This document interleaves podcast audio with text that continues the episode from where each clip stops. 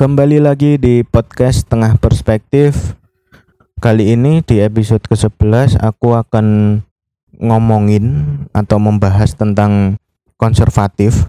Kenapa aku kok memilih uh, tema ini? Karena beberapa waktu lalu aku diajak oleh temanku untuk ngopi gitu di coffee shop. Lalu temanku ini cerita kalau dia itu diajak temennya sebut saja si Marco ini. Si Marco ini pengen ngajak dia untuk ya nongkrong lah karena lama nggak ketemu mungkin ya. Nah temanku ini eh, menolak secara halus. Karena apa? Menurut dia si Marco ini kan udah nggak ketemu sekitar empat tahun ya. Terus dia itu takut kalau nanti dia ngobrol sama si Marco ini. Kalau si temenku ini ngobrolnya serius si Marco nanggepinnya bercanda. Atau mungkin sebaliknya kalau dia ngobrolnya bercanda si Marco ini nanggepinnya serius. Kan kalau kayak gitu kan nggak asik lah. Kalau nongkrong kayak gitu kan seharusnya pengennya itu kan kita ngobrol. Kalau serius ya serius kalau bercanda ya bercanda gitu ada tempatnya lah Nah dia itu mikirnya kayak gitu. Temanku ini mikirnya ah nggak asik ah. Uh, mungkin ditolak secara halus gitu ya. Nggak tahu nolaknya gimana. Pokoknya dia itu nggak mau gitu. Terus uh, dia itu bilang kalau mereka-mereka yang ngajak nongkrong dia itu temanku itu itu mempunyai pemikiran yang konservatif. Nah, terus aku kan penasaran dalam hati kan apa sih konservatif itu? Terus aku cek tuh di Google konservatif adalah gitu kan. Ternyata konservatif itu pemikiran yang kolot yang sederhana yang sudah ada di masa lalu dan sulit untuk diubah. Nah itu konservatif. Konservatif sendiri kan bisa dilihat dari uh, berbagai aspek ya. Mungkin lingkungan dia atau mungkin keluarganya dia. Itu yang membentuk pola pikir seperti itu. Nah, si Marco ini temen temennya temenku ini itu dia adalah abdi negara. Abdi negara kan ya kalian tahu kan Senin sampai Jumat itu dia ada di asrama, dia digembleng tiap hari. Dia keluar itu cuma waktu Sabtu Minggu kalau setauku ya. Setauku itu cuma Sabtu Minggu mereka keluar. Mereka itu juga punya kos-kosan untuk naruh barang yang nggak boleh dibawa ke asrama. Setauku sih gitu ya. Nah, mereka kan melihat dunia luar atau berkomunikasi dengan orang lain kan cuma weekend itu aja, nggak lebih. Kalau Senin sampai Jumat ya komunikasinya cuma ada di dalam. Nah, mungkin temanku ini berpikiran kalau ya nggak asik lah. Wawasannya itu kurang luas di dunia nyata ya karena mereka lihat kan sekarang kalau eh, akhir-akhir uh, ini kan apa pun yang kita upload di sosmed itu sama dengan kehidupan kita. Di stories misalkan lagi makan lagi kerja lagi guling-gulingan lagi gabut kan semuanya di stories. Nah kita kan bisa tahu lewat sosial media tersebut. Nah si Marco ini juga punya Instagram kan, punya sosial media lah. Itu kan lihatnya juga cuma weekend menurutku. Kalau Senin sampai Jumat dia itu juga ya digembleng itu latihan terus, mungkin lari-lari dan segala macam. Aku kan juga nggak tahu ya. Nah makanya menurut temenku ini dia itu nggak asik gitulah. Nanti ngobrolnya nggak nyambung. Nah aku juga punya temen sih yang kayak gitu. Dia itu di ikatan dinas gitulah di Surabaya. Dia itu juga gitu.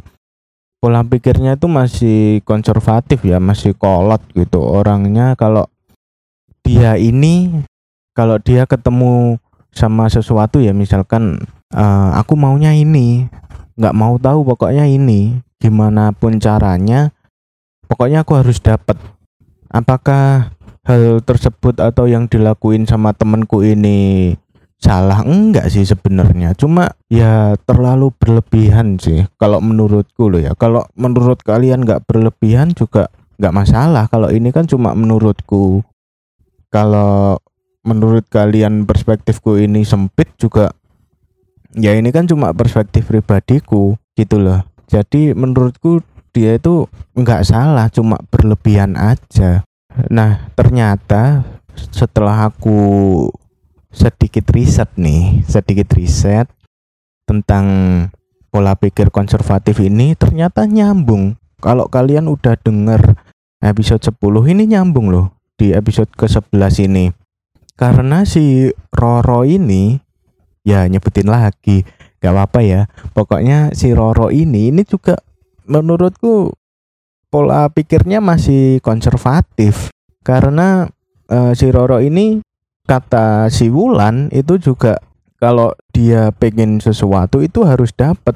Kalau dia gagal, dia bakal nyalahin teman-temannya yang lain. Loh, ya nggak bisa gitu dong. Kalau gagal kan nggak selamanya yang ada di sekitarmu itu menjadi pengaruh yang besar.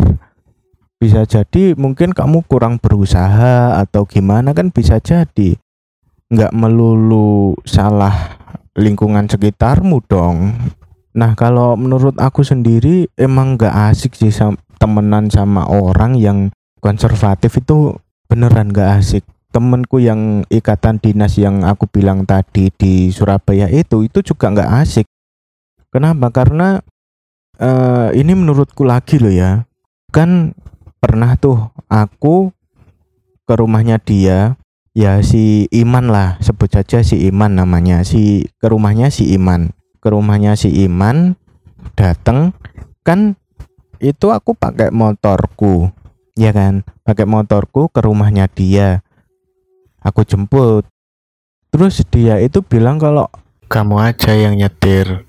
Nah itu kan kalau menurutku ya itu kan juga nyebelin gitu loh bangsat itu Kenapa? Karena ya aku udah jemput, aku sudah bawa motor ya gantian lah. Kan sama-sama cowok gitu. Kecuali kalau cewek ya, kalau cewek ya masa kita nyuruh nyetir kan nggak mungkin. Kan kurang etis rasanya.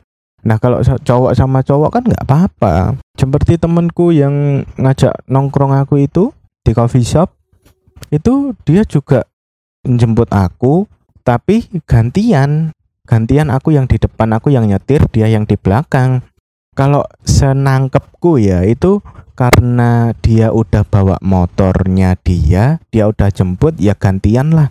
Jangan diperlakukan seperti raja gitu loh. Kalau temenku si Iman ini tadi kan memperlakukan dirinya itu sebagai raja. Tahu nggak apa yang dia lakuin kalau aku yang nyetir dia di belakang dia itu chattingan kan kalau di motor atau lagi perjalanan kan nggak enak kan kalau diem-dieman gitu kan nggak enak.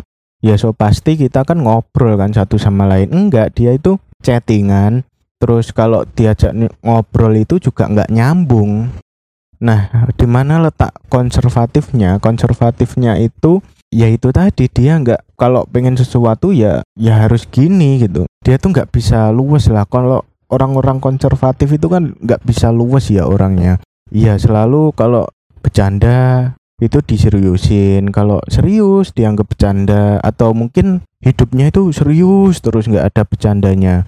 Bercandanya itu ya sama teman-teman yang dekat sama dia yang mungkin konservatif juga. Aku nggak tahu ya. Nah nggak enak men. Kalau punya temen kayak gitu itu sumpah nggak enak. Kalau aku loh ya kalau kali menurut kalian enak juga nggak apa-apa nggak masalah buat aku. Ini kan cuma perspektifku perspektif yang sangat sempit sekali. Karena aku juga sadar perspektif orang itu juga beragam. Kalian kalau punya perspektif lain ya ya hubungin aku aja lah.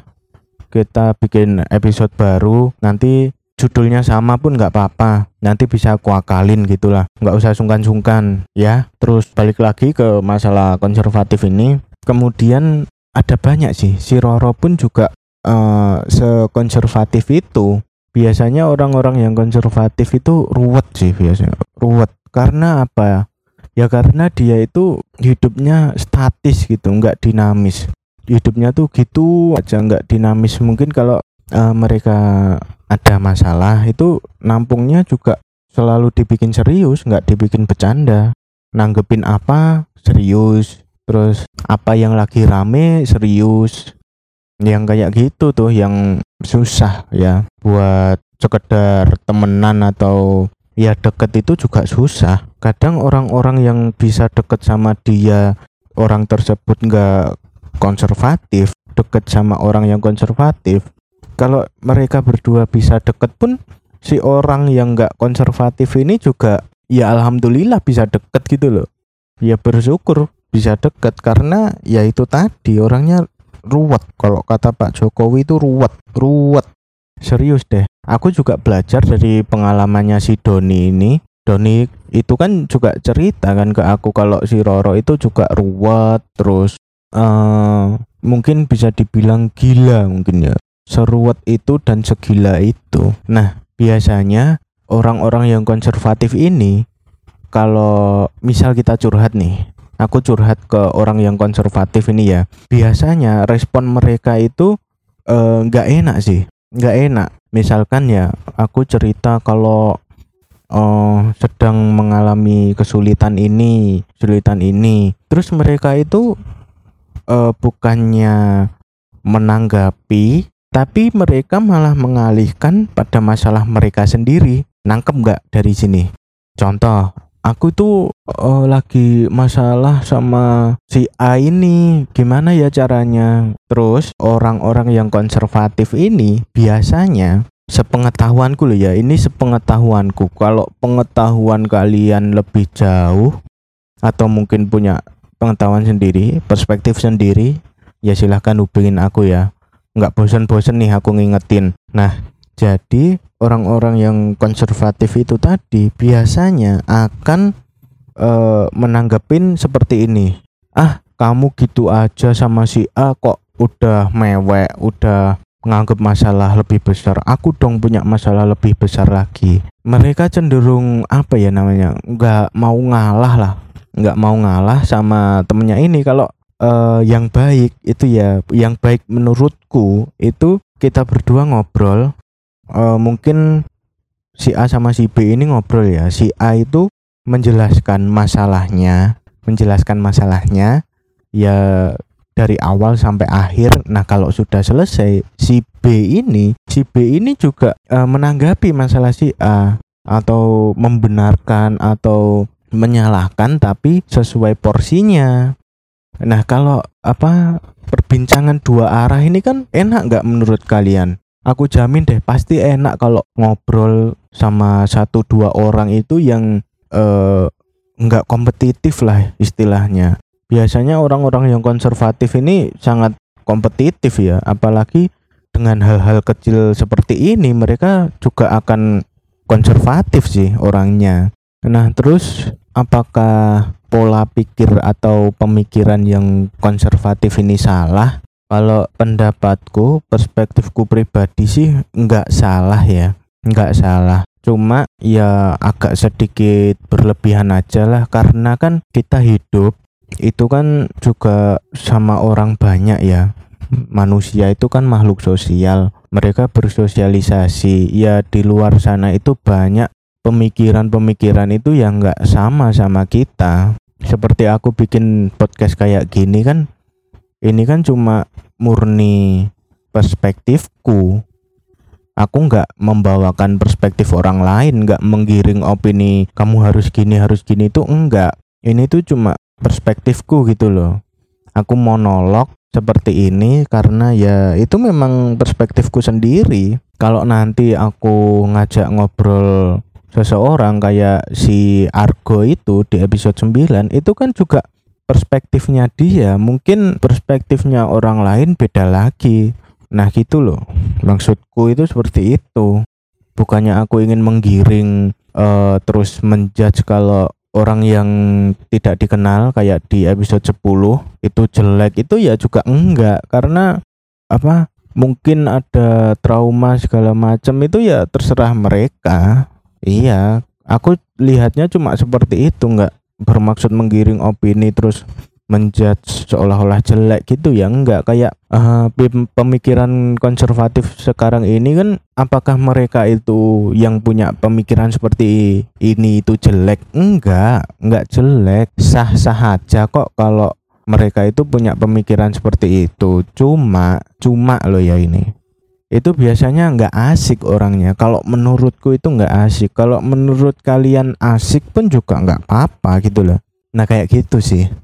Jadi kalau menurutku pemikiran yang kayak gitu tuh ya nggak bisa dirubah men. Karena itu udah dibentuk mungkin sama keluarganya sama lingkungan dia sekolah mungkin. Kalau mereka di uh, nasehatin gitu ya itu juga bakal denial sih bakal menolak sih. Karena orang menasehatin kita kan menilai kita itu uh, ada yang kurang gitulah. Ya benar nggak semuanya itu harus diambil. Cuma kan jadi reminder lah paling enggak itu buat diri kita. Biasanya orang-orang kayak gitu yang sulit itu ya. Sama orang-orang yang ruwet. Orang-orang yang ruwet yang nggak bisa e, menyesuaikan dengan lingkungannya mungkin. Ya ya karena itu tadi nggak bisa diubah. Mungkin sekian aja episode kali ini membahas tentang perilaku konservatif. Nggak usah panjang-panjang lah karena kekesalanku udah ada di episode ke-10 aku juga kesel sama ceritanya si Doni itu ketemu sama orang-orang yang konservatif. Menurutku si Doni itu orang yang bisa apa kata-katanya persuasif ya. Dia yang benci sama si Roro. Aku ikut-ikutan benci gitu loh sama si Roro. Karena orang yang punya pemikiran konservatif itu susah men. Susah. Ya kalian sendirilah yang bisa nentuin orang ini konservatif atau enggak gitu kan. Oke sekian dulu ya episode kali ini. Sampai jumpa di episode berikutnya dari podcast setengah perspektif